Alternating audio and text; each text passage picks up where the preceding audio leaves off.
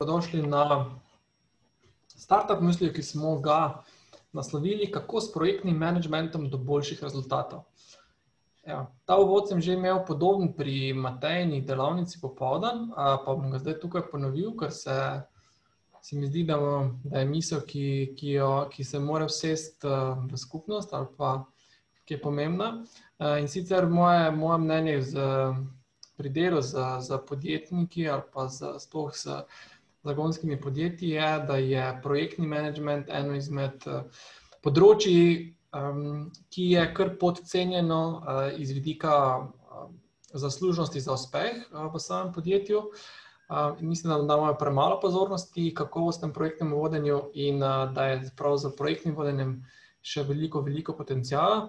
Tudi v naši tovarni podjemu se s tem veliko ukvarjamo. Ja, in v bistvu vsak korak naprej, ali pa vsak, vsak droben korak naprej, a, prinese a, super rezultate. IPP-ja, zdaj pa a, preidimo k našim gostom. A, z nami sta Mateja, a, Mateja in pa Jakob, a, oba izkušena projektna menedžmerja. Uh, da pa ne bom preveč sam podrobno predstavljal, uh, mislim, da ste najboljše znata sama predstaviti, Mateja, um, na kratko povej, kdo si, um, kaj počneš in zakaj tako obožuješ projektni management. Aha, aha, Urban. Uh, hvala, um, Mateja. Mogoče me nekateri že poznate. Zdaj, trenutno sem direktor IT-ja na Gene Planetu, prej sem bila v Equalizu, z project managementom se praktično ukvarjam že odkar pomnim, ali so bili to neki evropski projekti, ali je bilo to treba narediti uh, nek red v kaosu vseh taskov, um, v agencijskem svetu, brez nekega project managementa, v bistvu sploh ne gre, zdaj pa tudi, no, ko je treba voditi IT team, pa uskladiti želje, business requirements, vse uh, je projektno vodenje ključnega pomena pri vsem tem. Matej, mogoče preden uh, gremo na Jakoba, se strinjaš z mojo tezo, da je projektni management podcenjena komponenta uh, uspeha? Um, ja, jaz bi rekla, da je projektno vodenje nujno zlo, ki ga pač moramo početi. Zdaj, če, ste, če imate radi takšne stvari, by all means je to top shit. Uh, Če tega nimate radi, pa vseeno uh, predlagam, da to počnete, ker je nujno potrebno. In ja, večkrat startupi, mogoče se malo prepozno tega lotijo. Že, pa ne samo startupi, no, ko, ko že stvari malo grejo izven kontrole ali pa voda teče v grlo. Fajn je stvari čim prej začeti imeti pod kontrolo. Hvala, Matej, za ta um, kratek uvod. Gremo naprej. Uh, Jakob, povej, ja, lepo. Zaljubil v projektni management. Lep pozdrav, moje ime je Jakob, uh, jaz sem pa pri Povju v bistvu vodja deliverija. Um, kot uh, po izobrazbi sem uh, inženir, uh, sem pa v bistvu nekako v moji karierski poti prišel do tega, da sem se lahko začel ukvarjati z project managementom, uh, ki ga prej nisem spoznal, sem ga pa na tej poti potem pač do, do, dobro spoznal in tudi uh, izkusil iz prve roke. Um, tako da, uh, mislim, to je to. Mm, zdaj, eh, prej, mogoče še tvoj, še tvoj odgovor na to mojo, mojo tezo, da je projektni management uh, podcenjena kategorija, a pri vseh ostalih uh, stokrat bolj seksi uh, aktivnosti znotraj nastajajočega podjetja, dizajn, kodiranje, to je vse super bolj privlačno kot pa uh, vodenje projekta, ja, roki. Kaj misliš? Uh, sigurno je res, uh, brez project managementa mislim, da bi težko z, z neko um, uspešnostjo zaključovali projekte, oziroma bi mislim, imeli kar težave na, na različnih uh, točkah uh, samih, uh, samim projektnem lifecyclu. Um, sigurno je zelo pomembna, pomembna um, zadeva, ki pa, ki pa se strinjam, da ni bila tako mogoče podarjena v preteklosti in pa mislim, da bi mogla biti veliko bolj. Mhm. Ok, cool. hvala za te uvodne besede. Uh, za vse, uh, vse, ki vse sodelujoče v tej debati, ste seveda um, toplo vabljeni, da sodelujete, da aktivno sodelujete. Vaše vprašanja, komentarje, misli lahko zapišete v čat, uh, v Zoom, um, lahko jih uh, lahko pomahate v Zoomu in uh, dvignete roko in zastavite vprašanje. Pripravili smo pa tudi eno tako zanimivo interaktivno anketo. Dve vprašanje sem pripravil.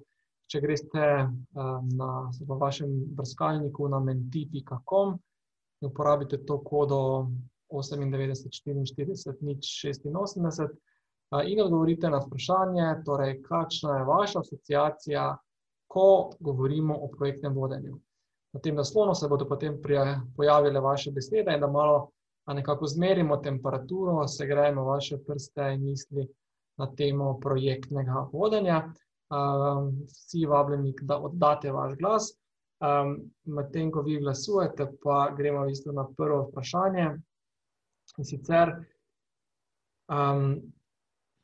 praktični, recimo praktični, praktični primer. V podjetju se lotimo nekega novega projekta,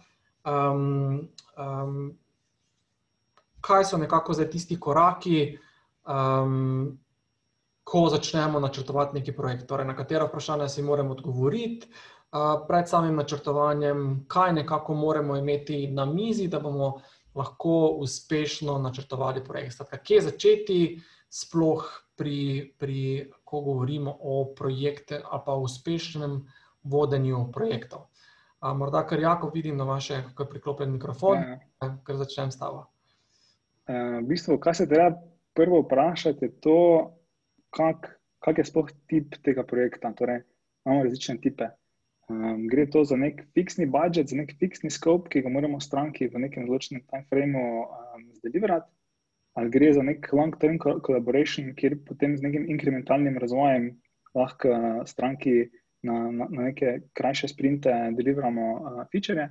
Uh, ali pa je to v bistvu taka stranka, ki ima zapičen en feature, ki ga je treba zdeliverati takoj, pa ni važno, kakšen time frame, in je potem pač prioritet na tem featureu fully visok.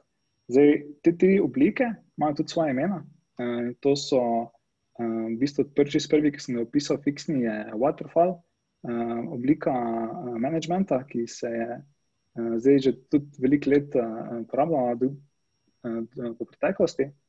Uh, potem Druga oblika sem napisal Scrum, kjer z nekimi in inkrementalnimi sprinti um, mi projekte um, v bistvu lahko neke manjše kose šipamo stranki, da pa, pa delamo na nek long-term uh, razvoj. Um, tretji je pa potem za, za take bolj, uh, bi rekel, um, osredotočene, mogoče, ker delamo tudi direkt s stranko, um, metoda, ki se imenuje Kanban kjer v bistvu čisto prioriteti um, šipamo določene feature um, na, na, na, na produktu. Uh, zdaj, to je zelo pomembno, da vemo, na kakšen način projekt voditi, uh, da se to nekako vprašamo, da pravimo to izluščiti. Uh, stranke ponovadi ne vedo, um, kak tip projekta rabijo, to je nekako treba iz komunikacije z njo, pa, pa iz requirementsov uh, razbrati, pa, pa v bistvu na tak način zasnovati, um, potem na podlagi tega tudi uh, voditi projekt. Okay, ampak je recimo vsak projekt taki, da uh, ga lahko ti že na začetku, preden ga sploh začneš, popredalčkaš v enega izmed teh treh predalčkov, katerega si umenil, ali je to stvar nekih izkušenj, um, ali pa tudi nekih uvodnih sestankov. Ne vem, je to tako čisto, bom rekel, uh, samo. Zdaj, ja. Iz svojih Iz svojih izkušenj lahko povem, da smo se tudi velikokrat zgodili, da smo začeli naprimer, na način Scrum, kjer, kjer je v bistvu fuj prijazen do ekipe, kjer lahko z nekim predik, prediktiv načinom vemo, kaj bomo delali, pa kaj moramo zdelivrati. Ki pa smo potem v nekaj iteracijah ugotovili, da stranki pa mogoče ne ustreza, ker um, se jim mogoče malo bolj modi, pa hoče en feature imeti, prednji se release cycle zaključi in smo potem kasneje tudi switchali na Kanban, ki je bil pa stranki bolj prijazen. Um, okay.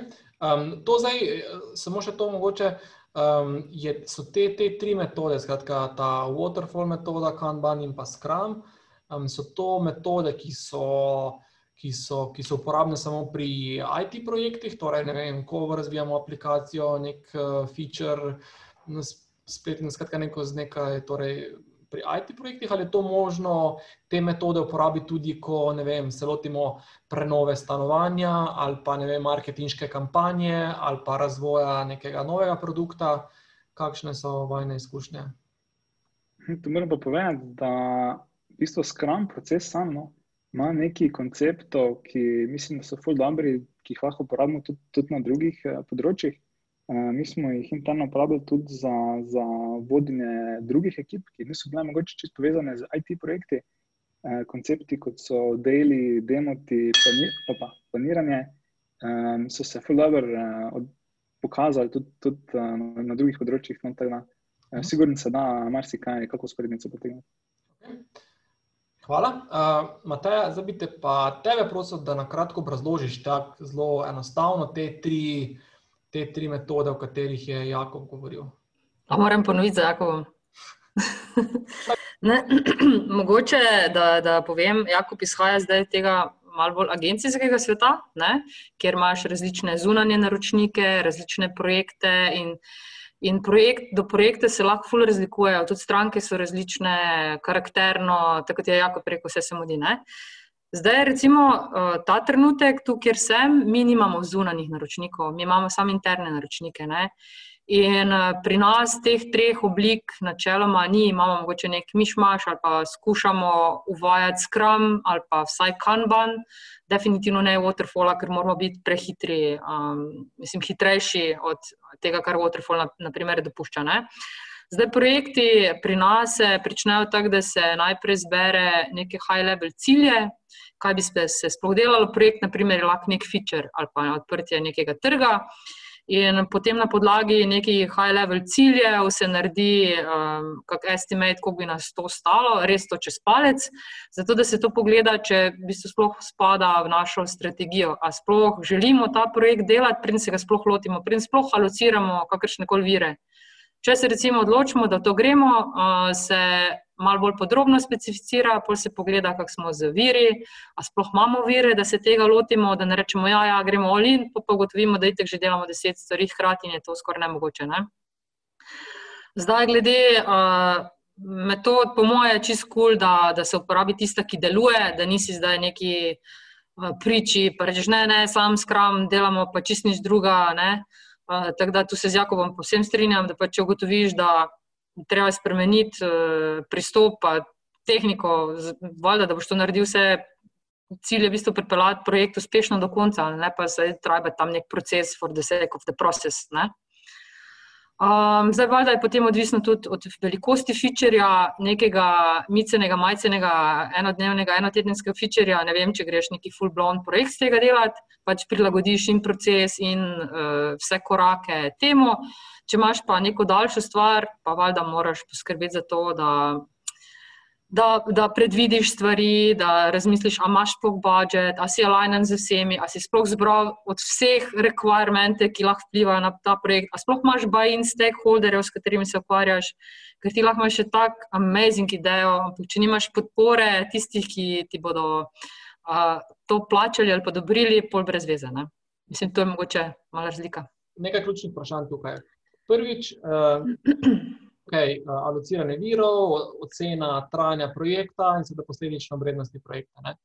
Zdaj, recimo, če govorimo o razvoju nekih novih produktov, ne, ki se jih lotevamo prvič, kako oceniti razvoj, um, uh, trajanje, uh, ceno, potrebne resurse nekega projekta, ki se ga lotevamo prvič, pa če imamo srečo, nimamo veliko izkušenj tem, na, na tem področju. Skratka, kako se loti tega nekega planiranja?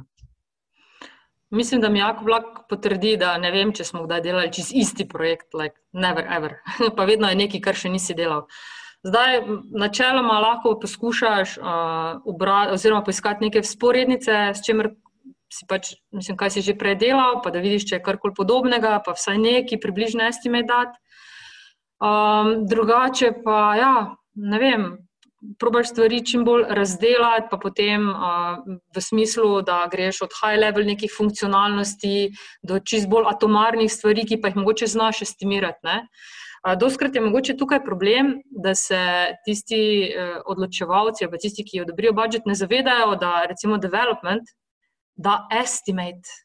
Mi nikoli ne moramo dati, ja, to je pa zdaj deadline, do katerega bomo to garantirano naredili sploh če mes pride do, do full sprememb. Ne? In uh, če daš ti nek dru, drugi problem, recimo, ali pa drugi ziv je razložiti ljudem, da eno je estimate, drugo pa je, ko daš to na timeline, pa umestiš med druge projekte, ne, da estimate niti slučajno ni enako timelineu, ki ga rabiš za nek projekt. In vedno, vedno se vsekaš, vedno se zmotiš.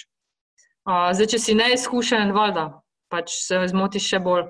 Zato mogoče je smiselno razbiti stvari na na neke faze, ali pa glede na kompleksnost, pa glede na količino nekih featurejev, mogoče se da sprobati kako stvar na kak drugačen način. Recimo, namesto da greš razvijati full-blown feature, pogledaš, če je kje kak app, ki je podoben, pa mogoče z njimi se povežeš, poskušaš neke stvari testirati preko tega appa, pa greš potem sam razvijati neko tako funkcionalnost. A pa pogledaš, če že karkoli na tržišču, pa se probaš mogoče reverse engineering narediš, pa probaš iz tega nekako malo ceniti, kako bi lahko neka stvar trajala. Ja, Newton si. Mateja, se strinjam. Eh, ne vem, če smo tudi mi že delali dvakrat isto stvar, sigurno ne. Eh, je pa vsaka neka svoja specifika, vsake treba razumeti, da se da dobro poestimirati. Eh, je pa to ja čist, čist inženirska zadeva.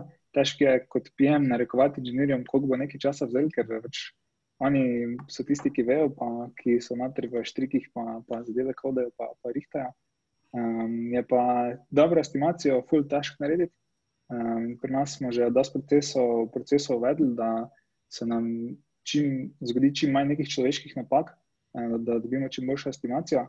Uh, seveda pa stremimo k temu, da, da delamo manj, reč, naredimo manjšo estimacijo, ki vemo, da lahko to točno ocenimo. Ko je pa kaj večjega, pa potem rečemo, ne gremo v neki fixed scope, ker se je v preteklosti tudi izkazalo, da ni najboljša ideja. Mogoče, če, če lahko tu nekaj povem, Urban, uh, mi bi, pa to verjetno bo jako pretrdil, mi bi lahko dali super, recimo, teoretično, v idealnem svetu znamo dati popolnoma natančno oceno. Ne vem, če poznam stranko slash naročnika, ki bi bil happy s to oceno. Okay.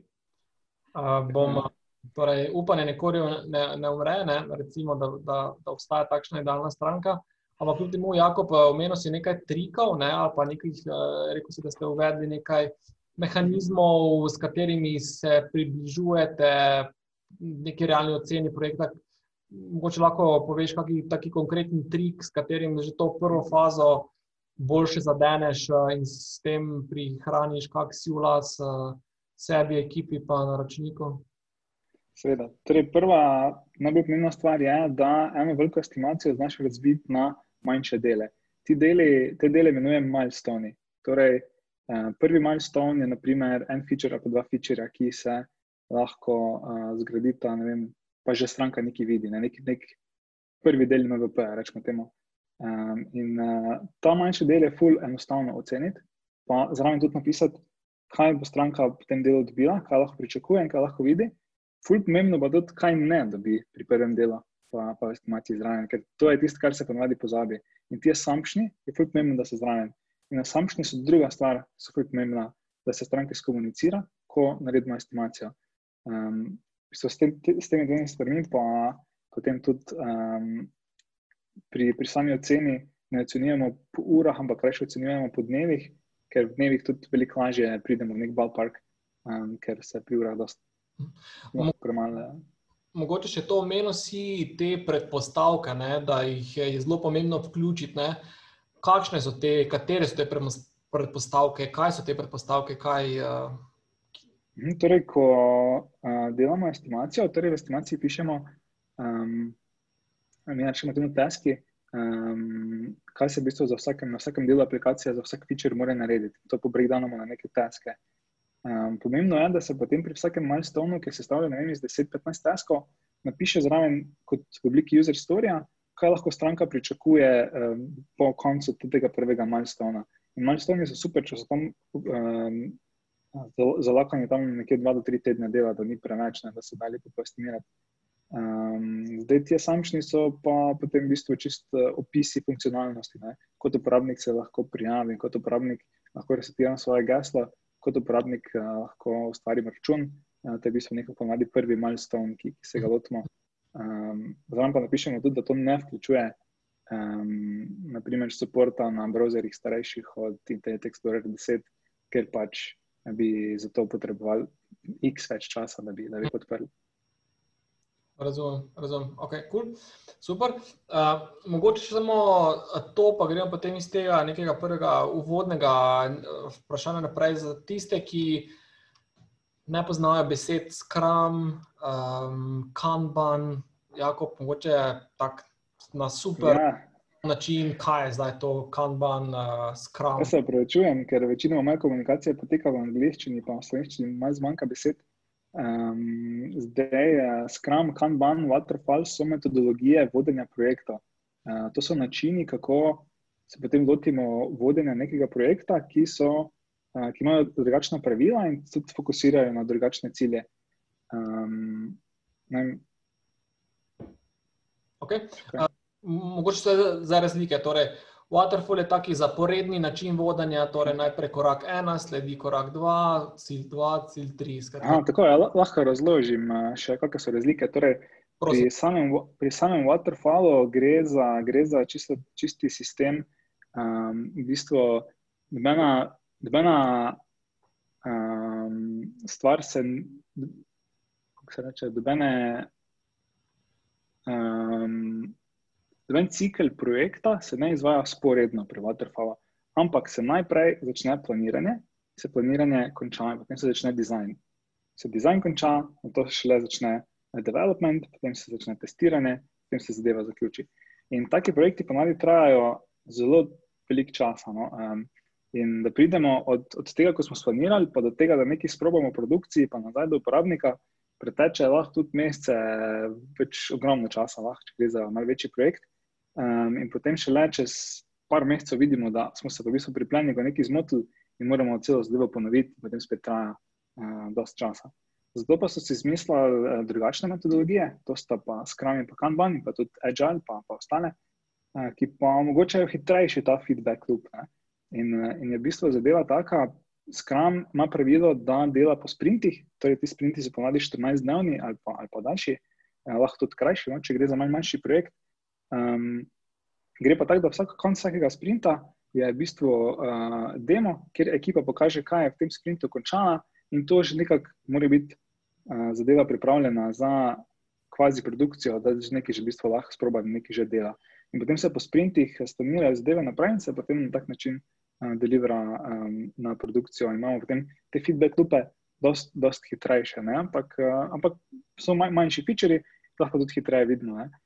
Potem je pa tretja oblika, kjer pa a, neke stranke pač hočejo stvari videti in sprobati že prednji konec enega sprinta, ker pač je sila in je deadline in je priority in je treba narediti. Um, zato pa je potem Kanban podobna vrsta skrama s tem, da ni nekih sprintov, ampak je fokus na prioritijo, kjer rečemo, priority je zdaj, da ta feature, ta feature šipamo, potem v bistvu delamo, da ta feature gre live, dokler ne gre live, in gre ta feature live, potem se osredotočimo na nov feature. In ti cikli so lahko kratki, lahko so dolgi, pač dokler feature ni končan. Um, tako da to so na kratko. Cool, super. Hvala, Evo, zdaj smo pa uh, nekako. Vsi razumemo, kaj so te, te različne metodologije, ki um, se uporabljajo, kaj so prednosti, načeloma in uh, tudi slabosti, lahko znamo razbrati. Ok, um, sam, uh, Jakob, ti si zdaj že iz teh besed nekako razbrati, si velik fan. Uh, um, torej teh agilnih metod, uh, med te agilne metode sta torej Scrum, uh, Kanban. Um, je kakšna, kakšna slabost teh metod, zdaj, ko smo bili prej pri fazi planiranja, kako lahko, če imaš ti nekaj te kratke, kratke sprinte, tedenske, 14 dni, kako lahko ti neko celo trajanje projekta oceniš, če si v bistvu ne nekno v takih kratkih sprintih, ki so relativno pač. Uh, težko oceniti, koliko boš resursov pokuril.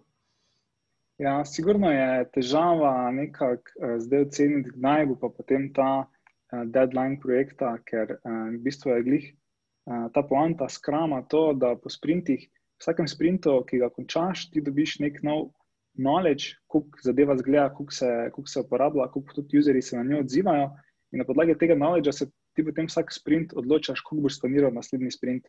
Um, in zato se, zato se, če imaš zdan nek cilj ni rečeno, da boš v bistvu šel ravno proti tem cilju, ampak boš mogoče zavil malo levo, malo desno, na podlagi tega, kar boš sproti ugotovil.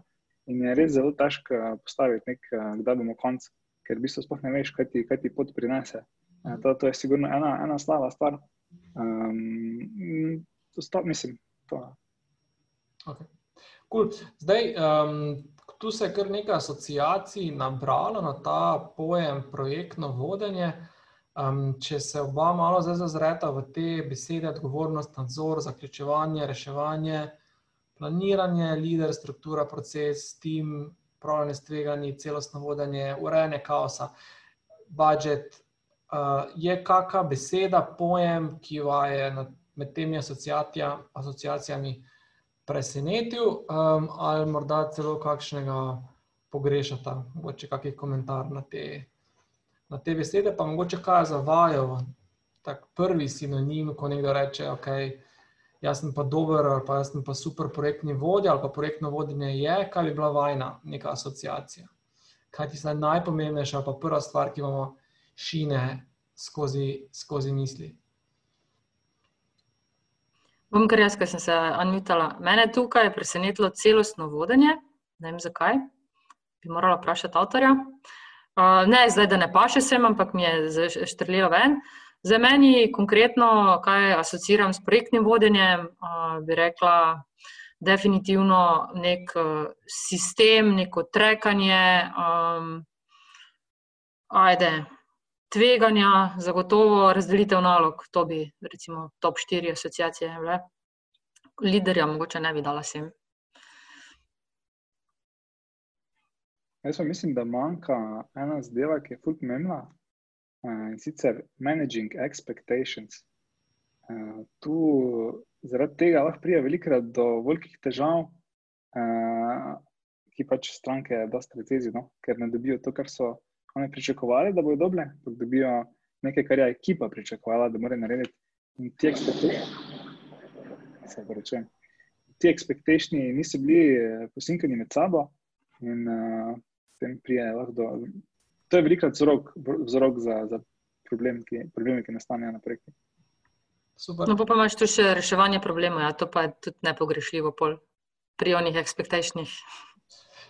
In pa druga zadeva, ki mi je odpadla v oči, no, če, če, če smem, uh, risk management oziroma upravljanje s tveganji, kar je uh, tudi uh, taka zadeva, ki se velikrat zgreši, ki pa lahko veliko stvari reši. Eh, če si mal, če v bistvu na projektu malo pogledaš, kakšna so tveganja, eh, ki se lahko zgodijo, jih, jih oceniš, potem vidiš, eh, koliko si v bistvu vulnerable, če pride do čega. In če nimaš backup plana, lahko tudi nastane veliko problem. Mhm. Hvala, Matej. Mogoče to, zakaj, zakaj beseda lider, po tvojem mnenju, ne paše v ta, v ta oblak besed. Uh, ni, Um, mislim, ne pa še meni osebno, mogoče ni najbolj povezana s projektnim vodenjem, ker um, v bistvu projektno vodenje za mene je tako bolj eksekucija. Medtem ko lider je pa mogoče na enem višjem nivoju, ki se ne rabi točno za to eksekucijo tako ukvarjati, ampak bolj strateške cilje postavlja, bolj vodi ekipo v smislu tega, um, kako bi rekla, vodi team spirit no? ali pa posle na višjem nivoju. Da, projektno vodenje, načeloma ne rabiš biti nek Uber vodja, razen pač ja, če moraš motivirati malo ljudi.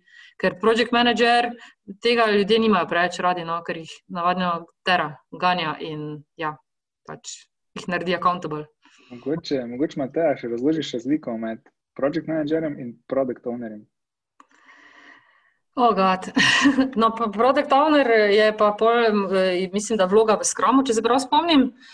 Uh, ta dela tesno z developerji in z jim skuša pomagati neke user storije uh, preslikati v nekaj, kar lahko v bistvu z developerji, pa, pa skuša jim um, pomagati pri tem, da stvari lahko naredijo. Medtem ko project manager je, ne, ne rabi imeti znanja o, o tem, kaj se v bistvu sploh počne. Ne rabi poznati stvari, ve samo se znam tam, pa treka taske, da so on time, ne rabi pa vedeti, zakaj gre. Medtem ko product owner malo bolj diha, pa živi z uh, timom, pa malo mora tudi menedžirati uh, expectation, naprav managementu, pa stranki, ampak še vseeno je bolj.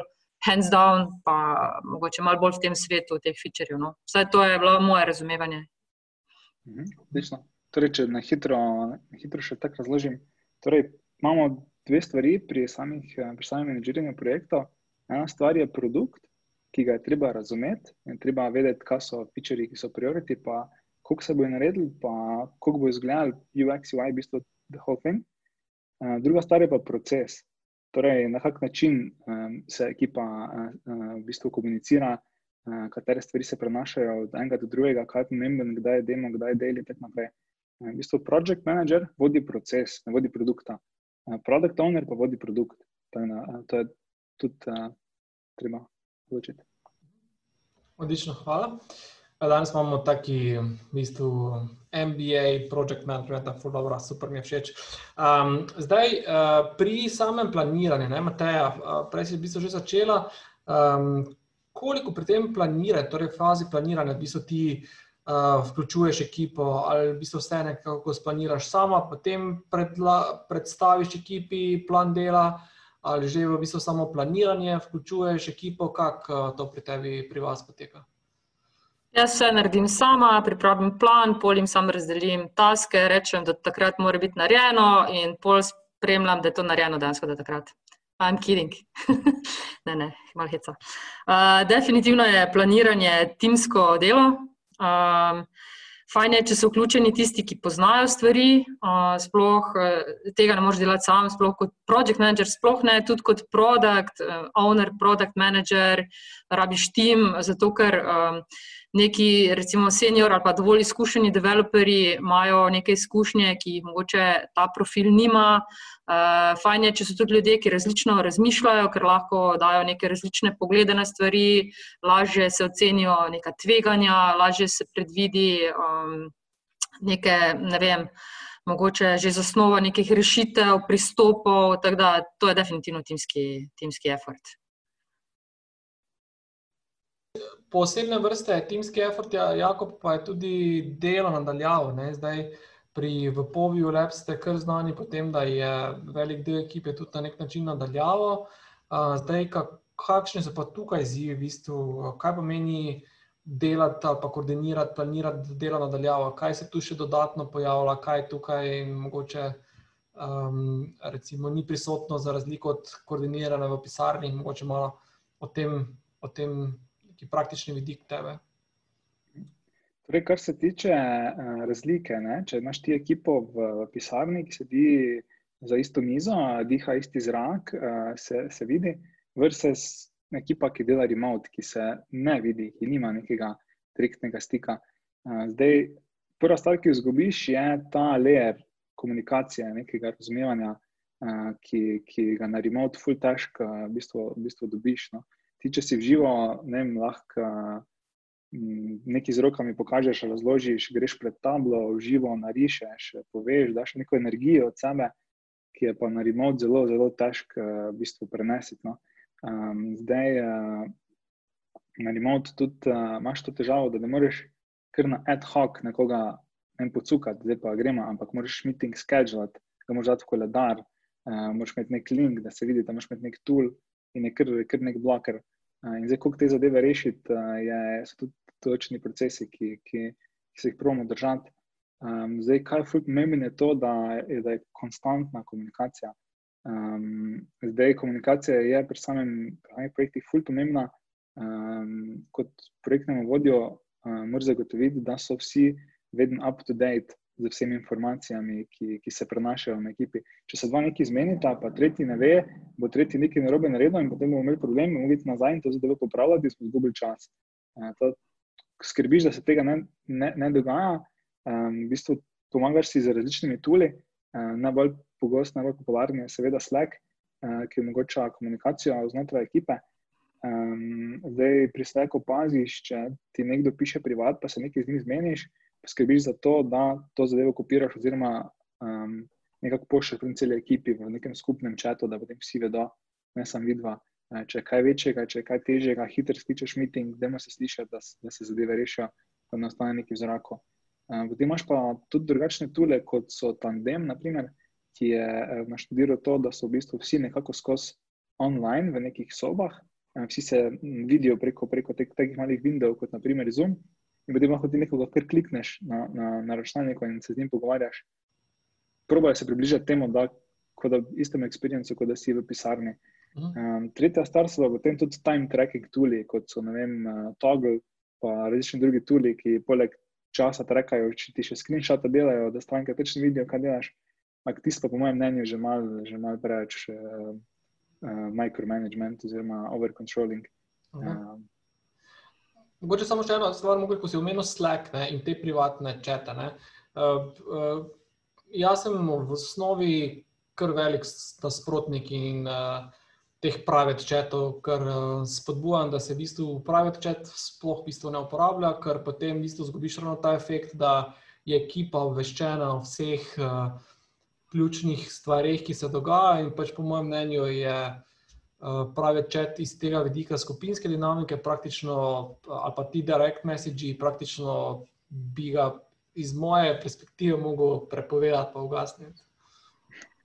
Ja, po eni strani, urban, se strinjam. Um, res je, da se v bistvu lahko ti pravi nekaj zmeniš, pa pa malo pozabiš in to potem ne pride do drugih članov ekipe in je lahko to velika težava. Če pa bi zadevo zaklenil, pa bomo recimo veliko težje prišli do, do tega problema. Teda se, se strinjam. No. Tako jaz še dam 5 centov. Uh, se strinjam z vama, pa se ne strinjam z vama. Jaz imam tak uh, love-hate relationship z tem uh, online komuniciranjem. Sem drugač ful človek, pristaš tega, da smo v pisarni, točno to, kar se je rekel Jakob, da se pocukamo, da se ruknemo, da se zmenimo, gremo pred tablo itd. Ne? Kar je vse kul cool in vredno, dokler nisi ti tisti, ki si glavni vir interruptionov timu. Ne? Ker pač, ko se ti nekaj sprne v glavo, stopiš do človeka, ga pocukaš, ga zmotiš v njegovem delu, in pač, ja, ne? in teh interruptionov na dan je lahko velik. Zdaj, kar se tiče online komunikacije, sem med korono ugotovila, da smo se vsi gladko pre, preklopili na online in po smo četali divje, po privat čeneljih, po onih čeneljih, kar je ok. Se strinjam z vama, privat uh, messagi so lahko problem, po drugi strani pa če imaš en kanal, kjer 10-15 ljudi nekaj čete noter, zgubiš, ni, ne veš več. In pol, recimo, nekdo, ko je full chati, pa piše en stavek na vrstico, lahko, recimo, čez dve uri gled, greš gledati, pa imaš 200 messagev in nisi v bistvu naredil nič. Uh, drugače pa eh, dobra stvar tega remote dela, po eni strani pa se mi zdi, da. da preden nekoga pingneš ali pa ga greš dansko zmotiti, malo premisliš, pa zbereš misli, ali pa zbereš taske, pa zbereš vprašanja, pa skedžuješ sestanek, pa dejansko tisto v nekem veču rešiš, ko pa da greš človeka tam polkat v, v ramo. Tako da, uh, meni se zdi, da bi se dalo iz obeh svetov neke dobre, dobre prakse povleti skupaj, da lahko funkcioniramo, pa da drug drugega ne motimo, pa da se vseeno premikamo naprej. No. Še kakšne strani? Prone, uh, ki, jo, ki, ki je bila v bistvu koristna, torej, poleg tega, to, to opažanje vseh, skratka, predstaviti se online je bilo čisto nekaj, ne samo da je bilo samoumevnega, sploh nismo imeli praktično druge izbire. Ne? In kar nekaj se mi zdi, uh, ljudi in organizacij poznam, ki so se na ta način boljše organizirali, se konec koncev bile tudi bolj produktivne, kot so bile sicer. Um, um, še kakšna taka izkušnja? Um, mogoče Jakob tudi na, na, na vaši strani. Prosto, da bom malo prekinil. Če še kakšna podobna izkušnja, v bistvu, kaj je ta remote lockdown prinesel za vašo ekipo, za vaše delo, ali vi, ker ste bili sicer že v osnovi zelo remote, opazili take razlike? Uh, ja, mi smo, res je, mi smo tudi že prej sodelovali, da ste remote z, z ostalimi Eh, sodelavci iz, iz drugih držav. Um, in ko, ko je prišel trenutek, ker smo vsi pač mogli delati remote, uh, to za nas ni predstavljalo nek, nek velik izziv, nek velik problem, ker smo nekako te uh, prakse že imeli utečene, tako da um, smo kar uh, hitro lahko to. to um, um, Mogoče, če lahko en trik pošaram, pa ne me zatožiti. Vsi ostali si, prosim, zatisnite v šesa. Uh, Um, v glavnem, takoj, ko smo šli v tale fully remote način, ne, se je zgodilo, da da so me konstantno ljudje pingali. In sem imela po deset private chatov, deset, v desetih različnih stvareh, in potem konc dneva sem gotovila, da sem cel dan samo z nekom komunicirala, fulje bilo tega overheada, svojih stvari pa nisem nič naredila. Ne? Ko smo naredili prvi pushback, smo rekli, nič, dajmo schedulati klice, take z agendo, vsak klic mora imeti agendo, moramo vedeti, o čem se pogovarjamo, pa da se pripravimo. Potem sem imela za cel koledar klicev, potem sem bila pa sniki, In sem vsak dan skedulala en sestanek samo s sabo, da sem imela dvorni blok, da sem danes nekaj naredila. Pa to delam še zdaj, pa ne me za to žiti. Je fler, da je. Super. In to, to se dobro razumeš, eh, se dosti kregaš na tem sestanku samo s sabo ali to tak bolj mirni sestanek? Ne, to je vedno hitet debata. Jaz, pa, jaz pa lahko še eno, tudi, tudi jaz imam podoben problem, te, da pride do tega, da imam ogromno sporočil v Slacku, ki se jih pač enostavno ne morem lotiti, oziroma jih je preveč za en dan. In v tistem trenutku switcham na eno metodo, ki omogoča malo hitrejše reševanje problemov, kot pa preko Slacka. Zajem roko telefon in začnem klicati. In na tak način lahko v bistvu v trikrat hitrejšem času zadeve rešim in puščam naprej. Ne se strinjam, absolutno. Mene je bilo prej včasih strah telefona, zdaj tudi dvignem. Pa če lahko rešimo v dveh minutah neko zadevo, absolutno kot pa sto tisoč četov. Drugač pa še ena stvar. Ne? Ko smo v pisarni, je meni fulh hecno, če dva, ko sedite si nasproti ali pa drug zraven drugega, si četata, mislim, si pišete po četu. Da, halo, lahko rešiš prej, deset minut porabiš za to, da na nekaj napišeš, pa i tek motiš soseda, tako da obrni se pa povej, kaj bi rad. To, to je zdaj generacija. Uh, gremo naprej za našimi vprašanji. Um, če ima kdo vprašanje, kot že rečeno, um, uh, dajte zapisati v čet, uh, dajte vklopiti mikrofone, se pokazati, vprašati. Uh, Mateja, Jakob in Urban so zelo, zelo zgovorni in uh, ne, boste se, se, se kar potrudili, da boste dobili besedo. Uh, gremo naprej. Skratka, zdaj, če govorimo o fazi planiranja, fazi egzekucije, optimizacije, zdaj, kateri, katera faza uh, je tukaj po vašem mnenju nekako največji izziv, je, kaj je najtežje, ali je planirati, ali potem držati se tega plana, se sploh prilagajati. Um, potem to zoptimizirati, kaj je tak zdaj po vajnem izkušnjah dolgoletnih tak največji izziv projektnega menedžerja. Kdo prvi vklopi mikrofon? En, dva, tri, noben. Okay. No, Jakob. ja, lahko smem. Torej, faze, faze pri samem razvoju, zdaj v tem primeru IT projektov, si, si sledijo po nekem vrstnem redu z, z razlogom. Ne? Zdaj, vsaka faza je pomembno, da jo dobro zaključiš, z, z, pač, da dobro razmisliš, dobro zaključiš, da potem naslednja faza lažje, lažje steče, oziroma se lažje uh, konča. Uh, pri kateri se največkrat zalomi, je ponovadi pri tisti, ki je najdaljša, in to je pri inženiringu. Um, z katerega razloga? Iz tega, ker smo pri planningu nekaj pozabili, ali pa ker smo pri UX-u nekaj pozabili, ali pa ker smo um, vem, nekaj narobe skodali, pa moramo jih popraviti. Uh, ta faza je najdaljša in tudi dopušča največ možnosti, da, da pride do nekih napak, in uh, tudi fulje odvisno od faz, ki se zgodijo prej. No, da, um, če bi mogel reči, da bi sigurno v, v tem uh, inženiring delal. Uh -huh. Matej se strinja, verjetno.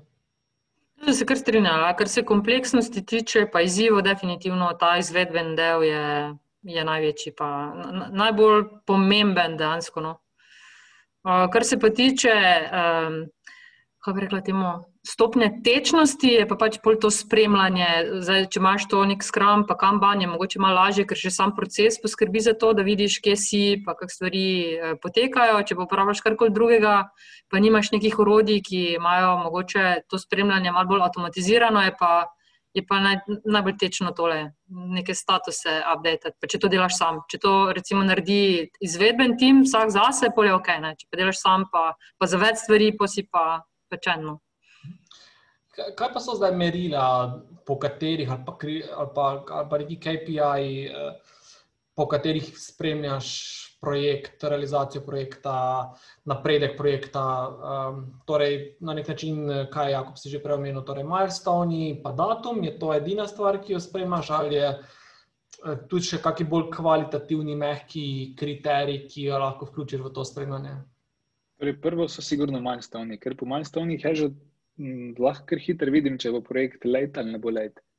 Um, pač, če smo dosegli prvi, prvi milestone na tistem, tisti datum, ki smo si ga zadali, ali nismo, eh, zakaj ga nismo, imamo kakšne večje težave, že lahko hitro v prvi fazi projekta, v parih tednih ugotovim, da mogoče imamo težavo. Uh, druga stvar, ki je fucking je seveda budžet um, na, glede na estimacijo. Um, zdaj zgodi se tudi, da se pač po nekih sprintih stranka premisli, da hoče drugačne feature, ker je videla nek odziv, odziv njenih strank, pač, ki ni pričakovala se potem res estimira, ampak skozi se sproti vodi budžet, da, vem, da, da vemo, kje smo s projektom, da je stranka transparent, transparentno ve, uh, koliko uh, je zapravila, kaj lahko pričakuje. Uh, tretja stvar, ki jo vodim uh, pri, pri skramih, so story points. Uh, torej, story points so, če se vrnem nazaj, torej pri planiranju, um, kjer po breakdownu taske, ki jih je treba narediti v enem sprintu za en projekt, te taske ocenimo um, na podlagi pač. Uh, Koliko časa bo potrebno, da, da jih pač kako so kompleksni, uh, z nekimi pointi, nekimi story, story pointi. Um, da, ko pa taske čez sprint uh, končujemo, pa, pa seštevam te story points, da vem, koliko um, približno imamo velocity v določenem sprintu. In na tak način lahko jaz od tedna v teden določim, koliko je naša hitrost, koliko smo produktivni, in lahko potem tudi uh, posamezno vidim, če uh, komu pada velocity, da se pogovorim z njim, mogoče kakšna težava mogoče ima kakšen challenge, mogoče kaj ne vem, privat, karkoli, pa te zadeve potem sproti rešujem. Četrta stvar, ki pa je v tem tista za nas najbolj pomembna, je pa, je pa feedback od stranke.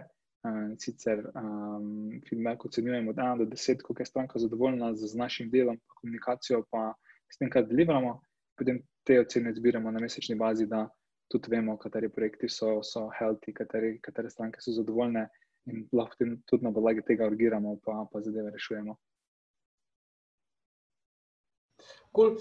Um, super, super, hvala. Zdaj, omenil si ta v bistvu, točke, s katerimi meriti hitrost ekipe. Um, zdaj, uh, je to res, je skozi, skozi uh, kako dolgo, mogoče vprašanje, kako dolgo že uporabljate ta scoring sistem, in ali dejansko se torej izkazal kot nek način ta pravi lakmusov papir, oziroma realen lakmusov papir uh, hitrosti. In mogoče me še zanima, kaj je po tvojih izkušnjah, pa Matej, tu seveda dobrodošla za komentar, najbolj vpliva ali pozitivno ali pa negativno na to hitrost uh, egzekucije. Kaj so tisti faktori, ali ne vem, je so bližajoč se praznik, božič, ne vem kaj, uh, vpliva na hitrost egzekucije, ali kaj so mogoče taki ključni faktori? Dej, kar se story points tiče, je čisto odvisno od projekta do projekta, no, kako se to uporablja, glede tudi na ekipo, um, pa, pa, pa na ti projekta. Um, pa kot kar smo to delali že tudi, že dosti časa. No. Um, dej, da bi se fuj zanašal na, na te pointe, uh, ni v bistvu to nek cilj, uh, v bistvu za mene. No? Za mene je cilj, da vidim, če kdo v ekipi pade pod neko povprečje uh, in se to kaže v manjši produktivnosti, da lahko to zaznam, da lahko to tudi rešim. Uh, to je v bistvu glavni, glavni namen no? za, pač za na mojem projektu. Matej, bi še kaj dodala? Ne, ne, se strinjam. Zdaj mi konkretno nimamo pojemcev, imamo kar ure, isto estimiramo taske, isto spremljamo, koliko rabimo za neke stvari, ker se želimo izboljšati, ne, zato ker bi mogli komu račune polagati. In da tudi vidimo, mislim, kaj vpliva a, na hitrost, je predvsem, koliko imaš nekih a, stvari, ki niso bile skedulirane in padajo noter v sprint, ker recimo tudi mi delamo v dvotedenskih sprintih. In uh, pač, če imaš 100 tisoč nekih requestov, ko pride vmes, polval, da svojih stvari ne narediš in nimaš poncov. In ti je lahko to pokazatelj, da nekje druge je treba malo pipico zapreti, pa malo bolj, bom rekla, obvarovati tim, da se te, te stvari ne dogajajo. Ne? Zdaj, ali to zunanji naročnik ali to interni, nima veze. Pač, treba je zagardati na nek način ta sprint. Po drugi strani pa je treba valjda ohraniti. Uh, Pragmatični pristop, ker če bo gorela voda, pa bo produkcija šla dol, je vseeno, koliko pointov smo mi tam estimirali, ker moramo produkcijo rešiti, ne, je vseeno. Tako da, ja, mislim, tu se strinjam čez z Jakobom. Uh, bolj gre za to, da imamo pokazatelj, uh, pokazatelje, kaj se dogaja v timu, pa če nam gre ok. Drugače pa, ne, mislim sem, da imam jaz še en KPI. Uh, how many things you get done? shit dan. Hecam se. Urban, eh, še vedno si muted. Um, um, Matej, ti vem, da si tam v, uporabljaš tega Todoista in ti imaš tam kaj status uh, jode, že tam. Skratka, ne vem, če kakšno nov, novo kategorijo so, so izumili za tebe. Um, skratka, to je na koncu seveda pomembno, da, da je nekaj narejeno. Uh, ampak kljub temu, uh, omenila se ena zanimiva stvar, ne? skratka, ti neki uletavčki, ne? pa ti neki ad hoc taski, pa ti kradljivci časa, pozornosti. Um, kak se tega, kak, kak iz tvoje vajni, neki skrivni ne? recepti, na sveti, ukrepi, da je tega čim manj. Zdaj, če sem jaz tista, ki to delam, valjda moram sama sebe skregati, si pogledati v gledalo, pa se skregati. Uh, Eh, če pa mi to kdo drug dela, pa moj tim ve, da sem jaz tukaj za njih in mi morajo stvari skomunicirati, preden se jih lotijo, da jaz razčistim, če je to dejansko večja prioriteta kot to, kar delamo. Tako da pač to je samo komunikacija, pa da mi nekdo da heads up, da pogledam, kaj se dogaja. Uh -huh. okay. Jakob, je pri vas dosti tega, mislim, da imate vseeno veliko projektov, verjetno so tudi uh, ekipe ali pa posamezniki na večjih projektih hkrati. Uh, se ti project, uh, product manageri, project manageri uh, tepete za ključne kadre, si skačete v zelje, um, uh, podkup, ne, podkupujete uh, programerje, dizajnerje, da vaš, vaš projekt daje na višjo prioriteto. Kako kak to poteka? Ja, zdaj pri nas smo v bistvu to zadevo rešili na tak način, da smo uvedli en vmesni department, ki se imenuje Matching ki se v bistvu ukvarja s tem, da sprejme odločitev, kateri kader gre na kateri projekt, in potem obstaja neko, neko pravilo, da se potem kadrov med sabo ne dira. Seveda pa to ni vedno tako, ne? in seveda se vedno želje, da jaz bi pa delal z onim pa s tistim, uh, ker pa potem pride do nekega negošiješna med PM-i, uh, da ti meni to, da me stavi to, pa se zmenimo z matchingom, pa gre. Tako da se tudi to dogaja. Um, ampak, ampak je to v mejah normalne, se vse da zmanjžira, tako da ni problema.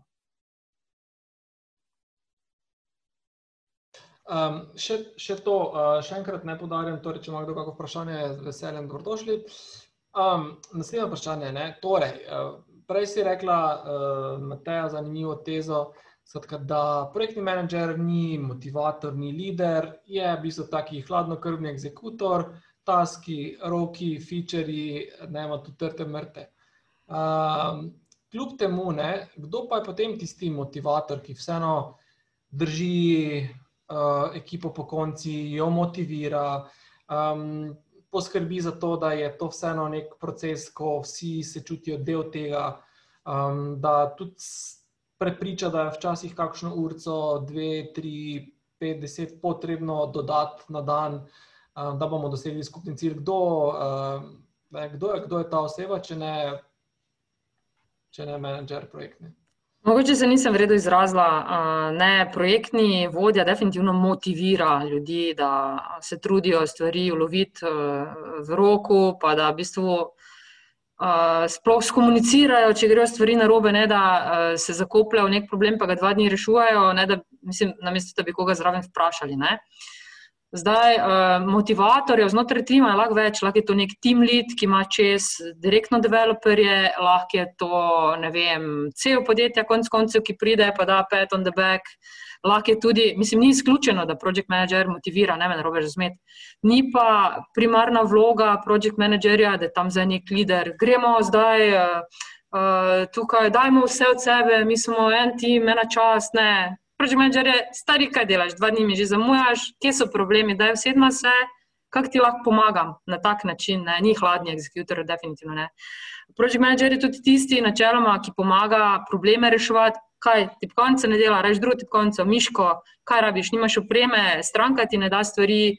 V bistvu je tukaj za tim je neki, neki njihov, um, kaj bi rekla, backup, krije njihov hrbet. Ne? Po drugi strani pa želi voda isto od tima, da pa njemu krijejo hrbet, se pravi, da stvari delajo uh, tako, da je treba, pa da javijo, če gre stvari narobe. Glede tega, dve, osem, deset ur na dan več, to pa jaz absolutno ne, zagovarjam in ne prakticiram in odsvetujem, da kurite svoje resurse. Na kratki rok to gre, na dolgi rok pa to ni vredno. In to vsak project manager ve. In ko nekdo pritisne na project managerja, pa mu reče, da stisnite malo, sam to še, da malo stisnite, mora biti project manager tisti, ki reče, fuck no. Ok? Pardon za profanity. Ja, ampak uh, potem je argument, ne vem, direktorja, gledaj, uh, ne vem, naročnik uh, ne bo plačal, ali pa bomo izgubili naročnika. Kaj pa potem tvoj uh, odgovor? V tem primeru se gre do tima, mislim, lahko še Jabko pojasni, pa se jim razloži situacija, pove, kaj je on stek, pa se jih prosi za pomoč. In v devetih od desetih primerov tim to razume, pa pomagajo, pa skočijo na pomoč, če jim obljubiš, da je to kratkoročno. Ni problem, vse se zgodijo, te stvari ne smejo se pa dogajati. Ne, in pol, ko tim vidi, da recimo izkoriščaš to njihovo pripravljenost pomagati firmi ali pa pomagati nekemu cilju, pa pomagati naročniku, mislim, vse je, nekateri ne bo nič rekli, bojo sami šli ali pa bojo skurjeni, pa bo začela kvaliteta padati, pa pač vse ostalo trpino. Um, pač to je moje oseb, osebno uh, mišljenje. Jaz mislim, da mora tu project manager tudi imeti neke argumente, da, da poskusi naročniku ali pa ne vem, managementu komorkoli razloži, da to ni, da to ni vredno. Vse pa zgodi, valjda. Tako, Mateja, se čestitam s tabo, si, si lepo povzela. Uh, v bistvu, na kak način to dosežeš, je to, da ekipi res lepo razložiš, zakaj je nekaj pomemben, kam moramo zrihtati, pa kaj je od tega odvisno. Zdaj, ali ima stranka neko marketinško kampanjo uh, za sabo, ki, ki jo more uh, ujeti na TV ali pa na radio, ali uh, se približuje neki event, kjer bo stranka zadevo pač prikazala, ne na demo, uh, ali ne vem, ima kakšne investor meetinge. Um, in če ekipa to razume, potem tudi, tako se reče, 9 od 10 bo rekel, da ja, je demo zrihta, demo to šipnati, pa, pa, pa se uredi, ampak ne sme biti to vsak teden. No, to pač tega Julija imaš enkrat, eh, na, pa pa nekaj časa več, da ni fajn, da ga imaš spet. Ej, imate kakšne um, take um, adute v predalu za take case, ne vem, uh, Merci, čokoladica, um, Red Bulli. Uh, kosilo, kosilo, pir.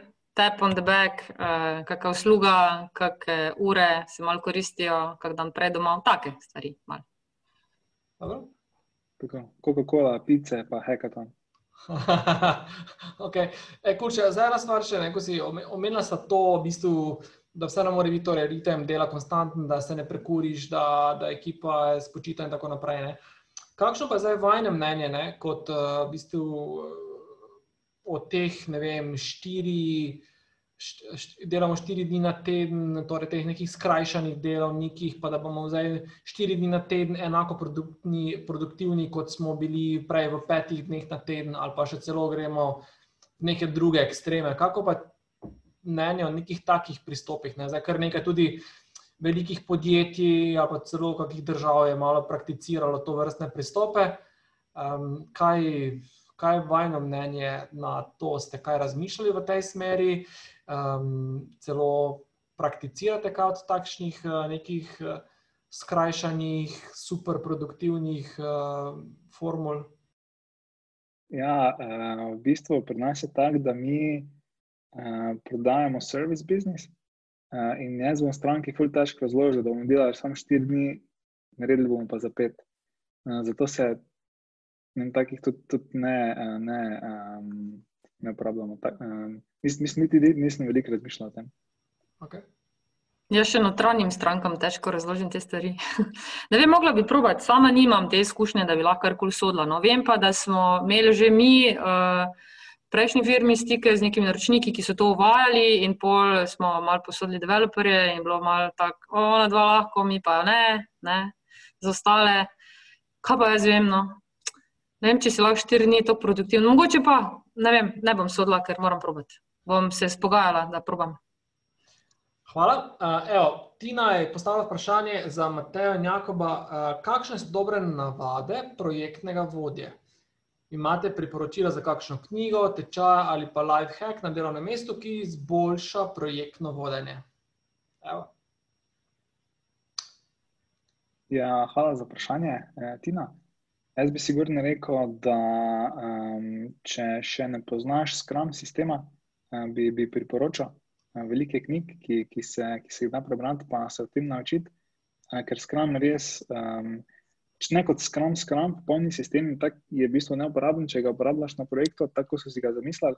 Ampak koncept skrama, ki pa vključuje neke ključne, v bistvu framework z nekimi ključnimi um, rutinami, ki jih potem tudi uh, prilagodiš za, za svoje projekte, za svoje potrebe, pa mislim, da lahko naredi magic.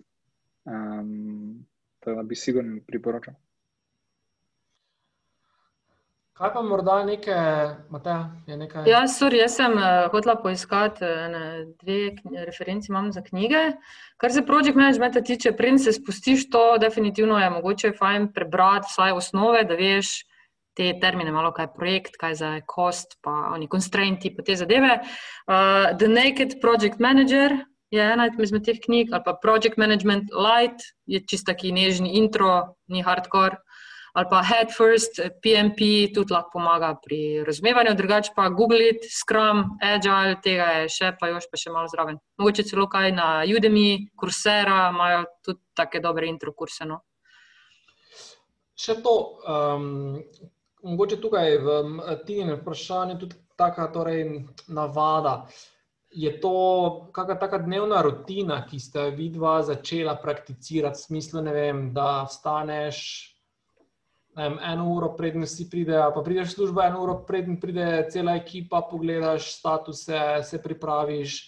Ali ne vem, je, ne vem so, so, so kakšni taki mali dnevni heki, ki zdaj niso nujno cela knjiga, ki so vam se izkazali, da znatno pripomorejo k temu, da si boljši project manager. Meni se zdi, da je kul, cool, če imaš malo tega megaverskega spirita v sebi, da se pač znajdeš, ker treba reševati probleme ali pa ne vem, sklapati skupaj neke sprečite, neka poročila, ugotoviti iz kaosa, nekaj red narediti, pa nimaš vedno vseh tulov, takih, ki bi vse naredili za tebe. Tako da recimo, če si mal domač z ne vem, s kakim Excelom sprečiti formulami, to že ful pomaga. Pa da znaš si mal poiskati stvari ali pa kak template prilagoditi, to tudi ful pomaga. Glede nekih osebnostnih lastnosti, po moje, uh, moraš biti malo bit mazohista, pa malo moraš imeti rad red, pa malo mal te mora uh, matrati, če, stvari, če ne veš, kje so stvari, pa bi rad malo mal dobil big picture, kaj se zdaj dogaja, kje smo. Uh, drugače pa uh, pomaga tudi, da se zjutraj pogledaš v gledalo, pa narediš, imamo to. Evo, to je tako zdaj imam to, tudi če imam same probleme, imam to, jaz imam probleme za zajtrk, evo, to je moj ponedeljkov moto. Cool. Jaz imam pa uh, drugačen moto, jaz pa mislim moto.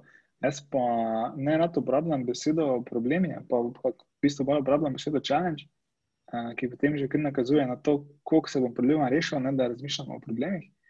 Uh, druga stvar, pa, ki mi je res pomagala, je pa to, da se enkrat na teden, pa navadi konc tedna, osedem, razmislim, kako bi si želel naslednji teden, da bi izgledal, kako bi bil najboljši outcome tega tedna, kjer stvari lahko v tem tednu zrihtam. Se zdaj malo napišem in potem se nekako tega nota vse teden držim, pa gledam, pa, pa puščam stvari naprej. Ker se mi zdi, ko imam, ko imam čas, lahko razmišljam o tem, kaj je pomembno, pa kaj treba zrihtati. Ko pa enkrat stopim v ponedeljek, pa se začne vojna, pa nimam časa razmišljati o tem, ampak imam ta švingelc, ki sem si ga napisal, da vidim v bistvu kaj je tisto, kar moram delati.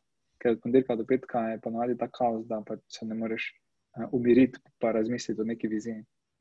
Ta predpriprava definitivno pomaga. Že v nedeljo zvečer, ker ne vem, v tej domeni project managementa ja, imaš 100 tisoč izzivov.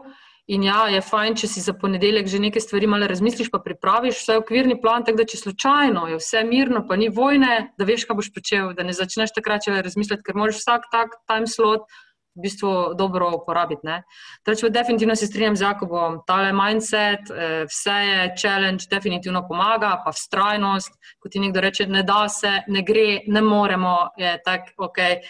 To je šele začetek, dajmo zdaj malo ugotoviti, eh, kako pa bi se to dalo. Ne? Poleg 99 izgovorov, zakaj ne, kak ne, rabimo samo enega, kak ja. Ok, super. Um, to še ne mogoče, zdaj prej si omenila, ne planira, oba sta omenila praktično planiranje, planiranje tedna, kak, um, torej kak si predstavljata, da bo teden izgledal. Um, zdaj, dosti krat je, je, je taka tanka meja med tem nekim, torej, zaupanjem, pa odgovornostjo posamezniku, da bo pač nek task ali pa neko, neko stvar izpeljal, pa nekim takim hands-on micromanagementom, ki je, ki je tudi uh, tako zelo mogoče na nek način slabo sprejet, ali pa se nekdo čuti, uh, ali pa se posamezniki čutijo, da so pač preveč hands-on menedžerirani. Kje, kako lovita to neko ravnoteže med v bistvu zaupanjem, pa, ne, ali pa tem, da splaniraš v nulo praktično vse taske, si ko ena v bistvu, sitna osa, ki skozi bdi in mikromanedžira. Ja, mislim, začetek je siguren to, da imaš nek plan, nek roadmap, eh, da veš, pač prvo moraš vedeti, kje so stvari, ki jih treba narediti, v kakšnem vrstnem redu um, potem ekipi pač ta plan ponovadi narediš za ekipo in ga probaš umestiti v nek timeline. Na začetku, če ekipe še ne poznaš, če je to nova ekipa, um, potem tudi se odločiš, da boš ekipi zaupal in potem vidiš, če ti to zaupanje da pač prineslo uh, dobro, da so, so se držali roko, so executali ali ne. In za vsako, ko se zaupanje um, pač breka, uh, ki pač ekipa ni naredila to, kar je obljubila, potem ved, si vedno bliže mikromanagementu, no? vse tako se pri meni dogaja. Jaz se kar strinjam. Zaupanje je prvo, ko zbrejkaš zaupanje, ja, ga je vedno manj. Pač koncu, jaz si dejansko ne želim ljudi, ki jih moram mikromanagirati.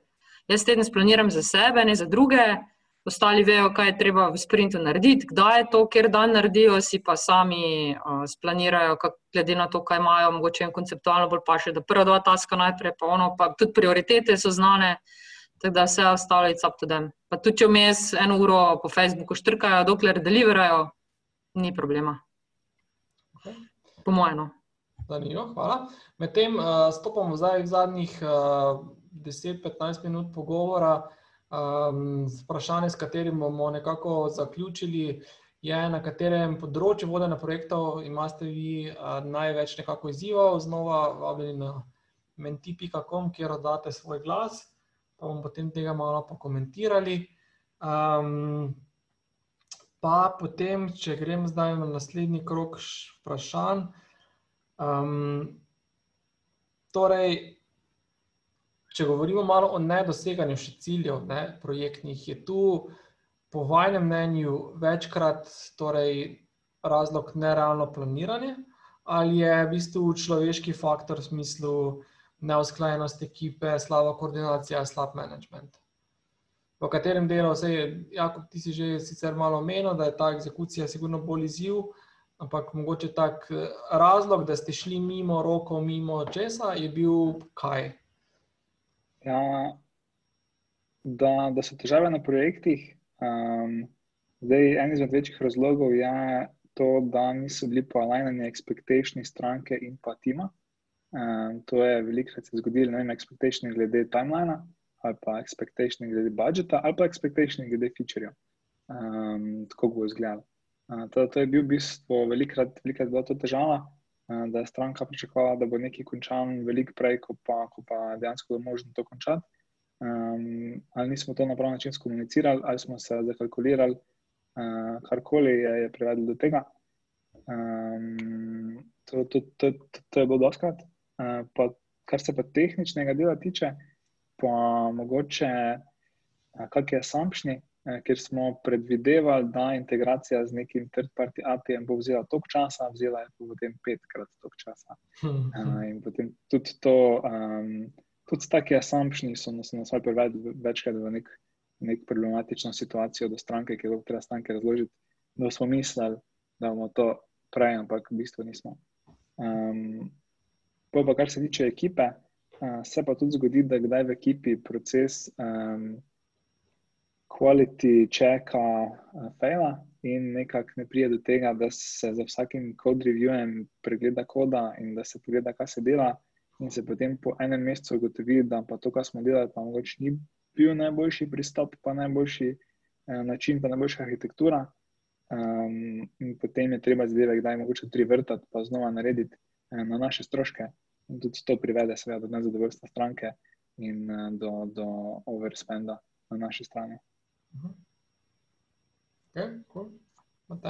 Jaz imam podobne izkušnje, k temu bi dodala še spreminjanje requirementov iz tedna v teden in pol se zapodiš, sploh recimo, če moraš neko arhitekturo zadnji postaviti, se zapodiš v eno postavitev, mes, ker pač ni, ni bilo časa ali pa ni bilo dovolj dobro razmišljeno, pa se ljudje menjajo, se vse obrne na glavo, greš v novo implementacijo, pa še tretjo implementacijo.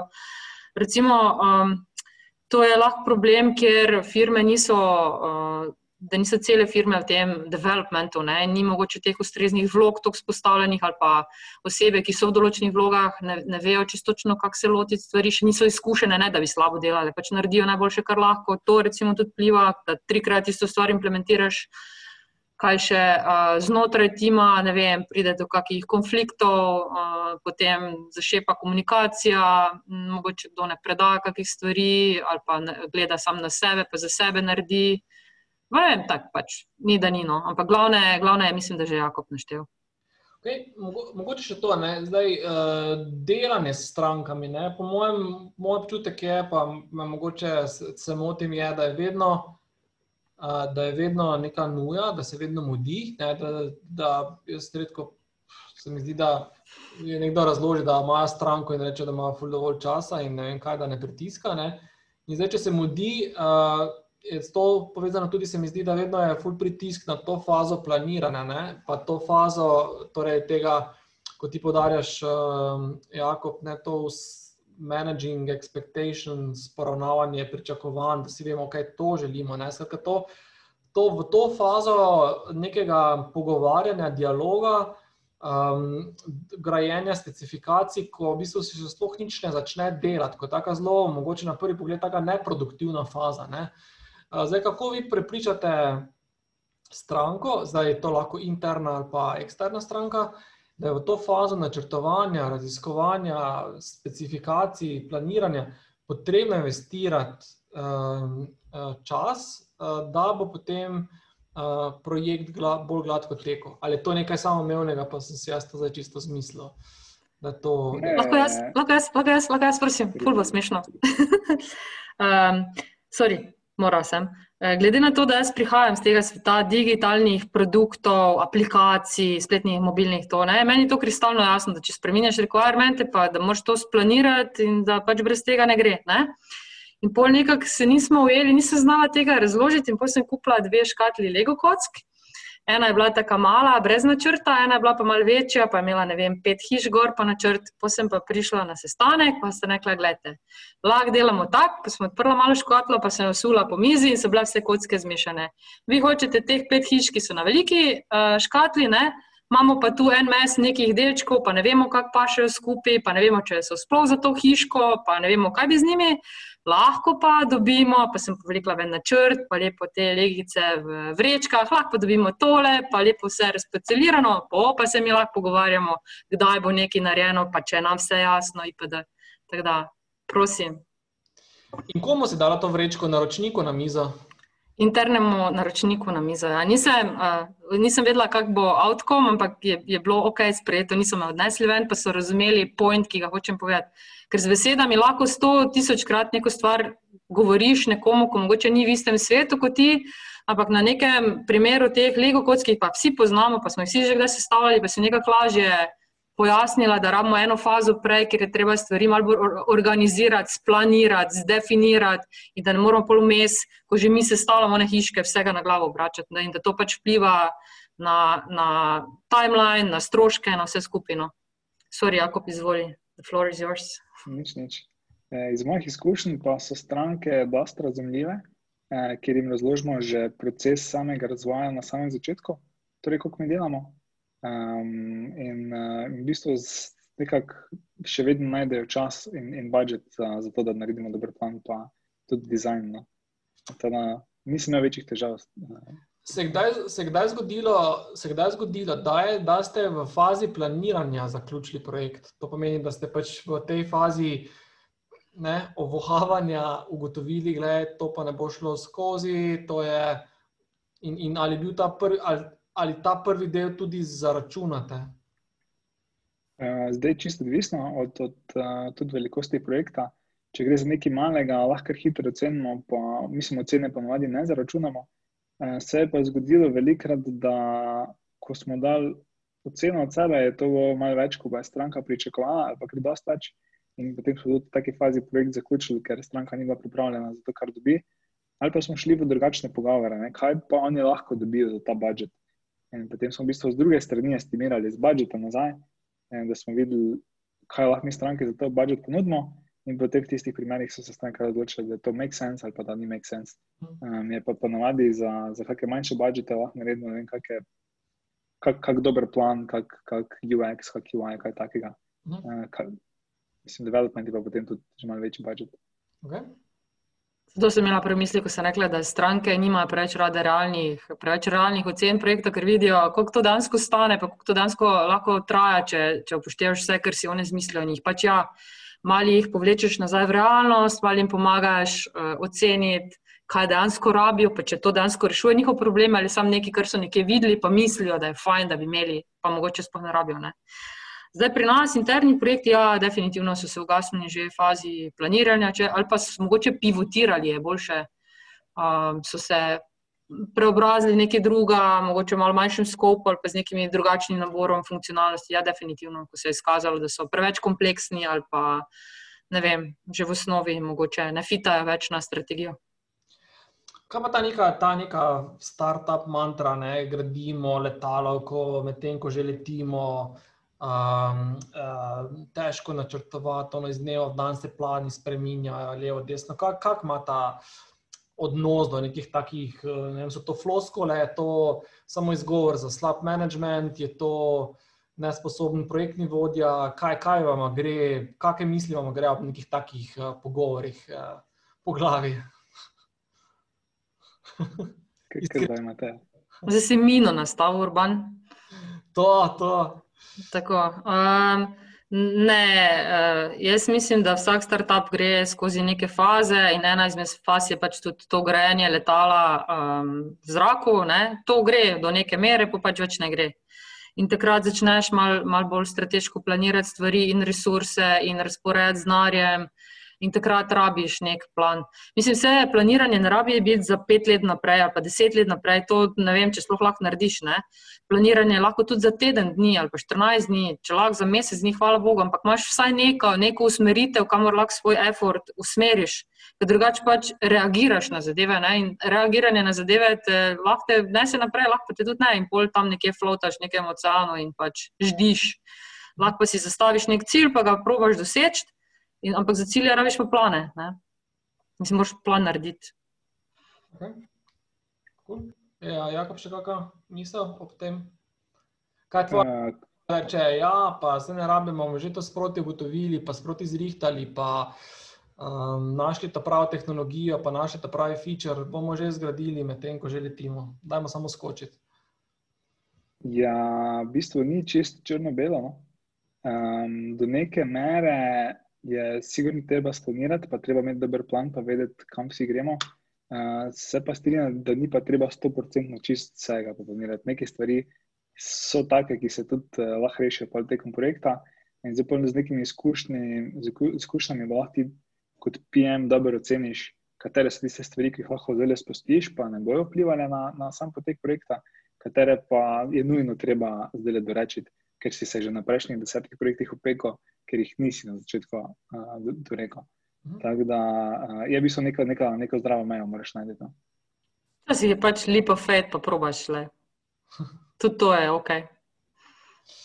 Okay, pri vajem, zdaj, če je vaju, vaju uh, nekako poprašam za to, uh, um, uh, torej izzive, torej na katerih področjih uh, pa je po vajem mnenju največ izzivov pri projektnem menedžmentu, torej pri vodenje ekipe, komunikacije z naročnikom, finančnih eh, okvirih in doseganju časovnih rokov. Kaj, kaj je vama največji izziv, eh, torej od ene izmed teh štirih, kako bi vidva prioritizirala eh, te, te štiri elemente ali pa izzive? Sigurno se strinjam, da je vodenje ekipe izmed teh, mislim, da je full velik challenge, ker tudi uh, potem z tega izhaja uh, finančni okviri, pa, pa časovni okviri, če se ekipa dobro ne zmanjžira. Um, zdaj pa trik tip, kako pa dobro menedžirati ekipo, je sigurno to, da je ekipa dobro povezana, pa je dobra komunikacija. je pa v skramu tudi ena zadeva, ki, ki je da zanimiva, ki ekipo poveže, pa spodbudi k temu, da bolj sodeluje tudi uh, individuali med sabo. To je pa re retrospektiva, kjer si pa uh, čist sami ti membri po, m, povejo, poleg tega, kaj jim je všeč pri drug drugem in pri samem procesu, in pa tudi, kaj jim ni všeč, zato da lahko ekipa na tem dela, se izboljša, uh, da se te stvari izpostavijo, da se, da se v bistvu kamenčki nekako um, pogrindajo, da potem bolj šteče naprej. Um, in v bistvu na tak način tudi, tudi te spravimo reševati. Uh, potem pa pri komunikaciji z naročnikom je čisto odvisno, zdaj, kak je naročnik. No, nekateri so lahko dosti problematični, nekateri manj, teda to je v bistvu malo ne veš, ido novo če get, eh, dokler v bistvu ne začneš dejansko sodelovati, pa videti, koliko se naročnik odziva na neke, na neke, ne vem, good news, pa bad news, pa vek naprej. Um, potem finančni, pa časovni, pa uh, sta bolj kot ne, po moje, pač povezana. Um, zdaj, časovnega, če malo zamudiš, pa se da zmeniti, je kul, cool. če ga pa preveč zamudiš, je tudi finančno uh, lahko težava. Kak je bil mogoče worst case scenarij, ko ste kakšne roke zamudili? Kakšne, ne vem, kakšne kazni, sankcije ste, ste doživeli? Ja, zdaj, zdaj mi smo, mi smo tudi, tudi par uh, um, caseov, kjer mogoče nismo najboljše, se ni več. Vsak projekt smo še vedno zaključili, no? ampak mogoče ne v takem planu, kot smo si ga zadali. Zdaj, ena izmed večjih težav, ki sem jih tudi sam izkusil, je, bila, je, bila, je bil problem pri estimaciji in sicer estimaciji migracije. Što je iz migracije ene arhitekture v drugačno arhitekturo, v velike mase podatkov, ki pa um, je na prvi pogled migracija pač bila zelo enostavna, pač zdaj skopiraš in to je to. Bilo je pa v bistvu toliko edge caseov zapečenih v starih arhitekturi, ki jih nismo predvidevali, pa nismo videli, dokler nismo zadevo dansko skopirali, pa šli live, kjer smo pač videli, da se zadeve začele podirati, na kar je sledilo um, par neprespanih noči, ker smo pač živo na produkciji te zadeve reševali, pa, pa, pa probali revrtati, probali rešiti, um, dok nam je na koncu uspel. Ampak je bil full. Uh, um, tako, dosta overtime, ekipa naredila, no, da ste stisnili, um, pa, pa da smo lahko to rešili. Um, pa ja, bil tak kar hard time. Kdo je, kdo, je bil, kdo je zdaj tu, recimo, v takem kasu, ko si zdaj razložil? Ne? Kdo je prevzel to odgovornost na stvar, mena ti kot uh, projektni menedžer ali nekdo, ki recimo ni vem, naročnik, ki ni mogoče razkril teh nekih, uh, teh, nekih, teh mejnih uh, primerov? Um, ali, mislim, kdo je zdaj na rekovajih plačal za to, za, za to neko.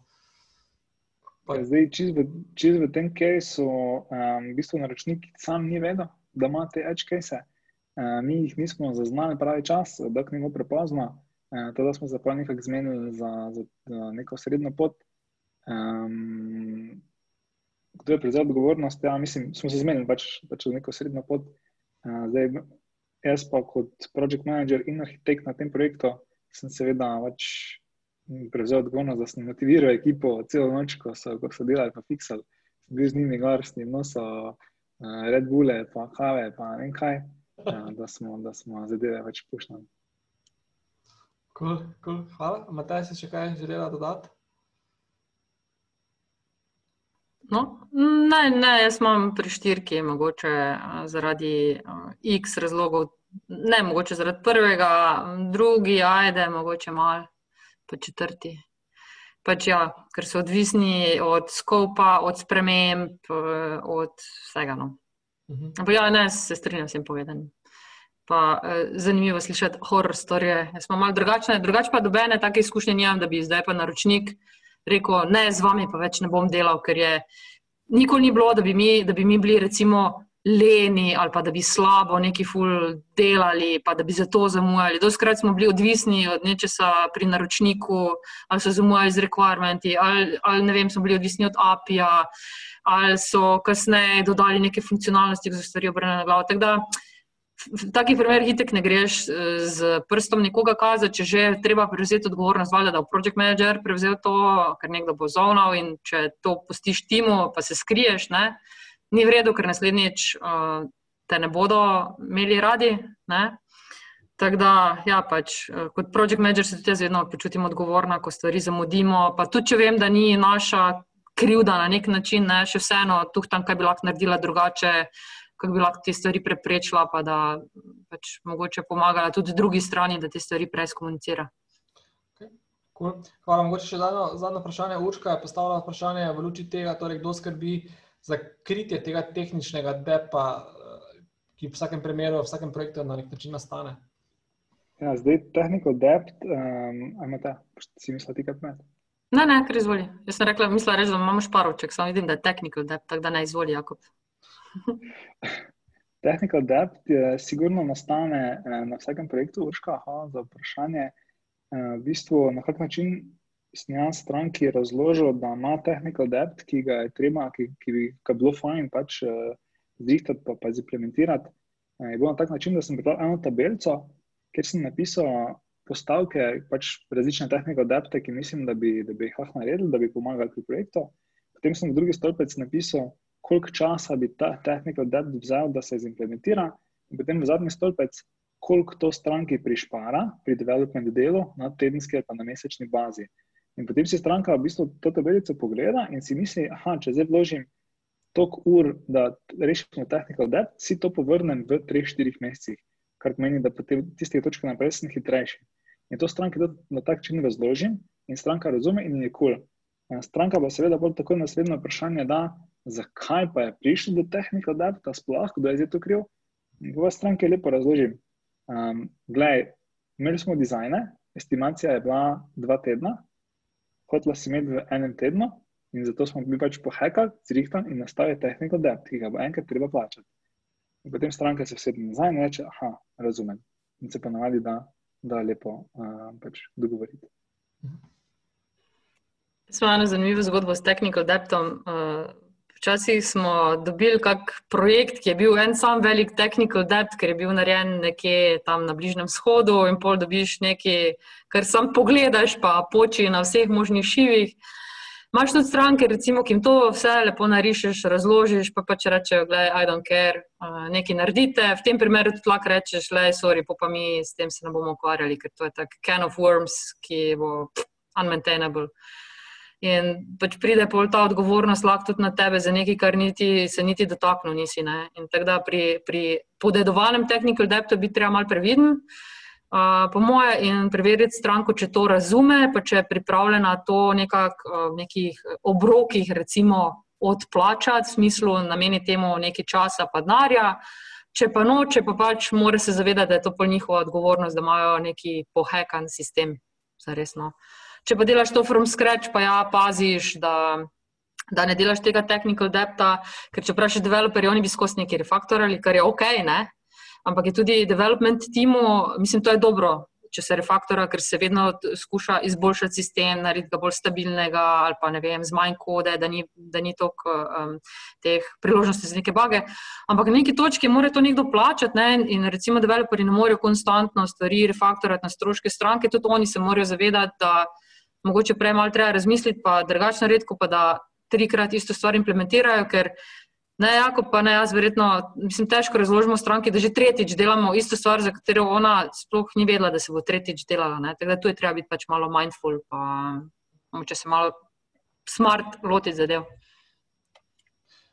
Ok, odlično, hvala za, za to super istočnico, za zaključek tega zanimivega pogovora. Skratka, počrto ne, je pametno delati pametno, um, vse debate in upoštevati vse svete, trike, pasti, o katerih smo danes govorili. Uh, obema Matej, Matej, Jakob, hvala za ta res super, super pogovor na svete, um, ki ste jih delili misli. Um, mislim, da je to zlata vredno za vse tiste, ki uh, smo, vsaj že sam sem si zapisal nekaj zanimivih stvari, ki bom jih implementiral. Um, hvala vsem, da ste, uh, bili da ste, da ste sodelovali. Um, če bo zdaj še kakšno vprašanje, Um, tukaj sta na slajdih uh, od Jakoba in Mateje LinkedIn, tako da se dajte povezati. Tudi povezovanje je del našega, naše skupnosti, našega poslanstva, ki tukaj počnemo, Startup Maribor. Um, sicer pa se vidimo na kakšnem dogodku v prihodnosti. Še enkrat uh, vsem uh, hvala lepa za ta zanimiv uh, popoldan večer in uh, se vidimo ob naslednji priložnosti. Lep pozdrav vsem in lep večer, lahko noč.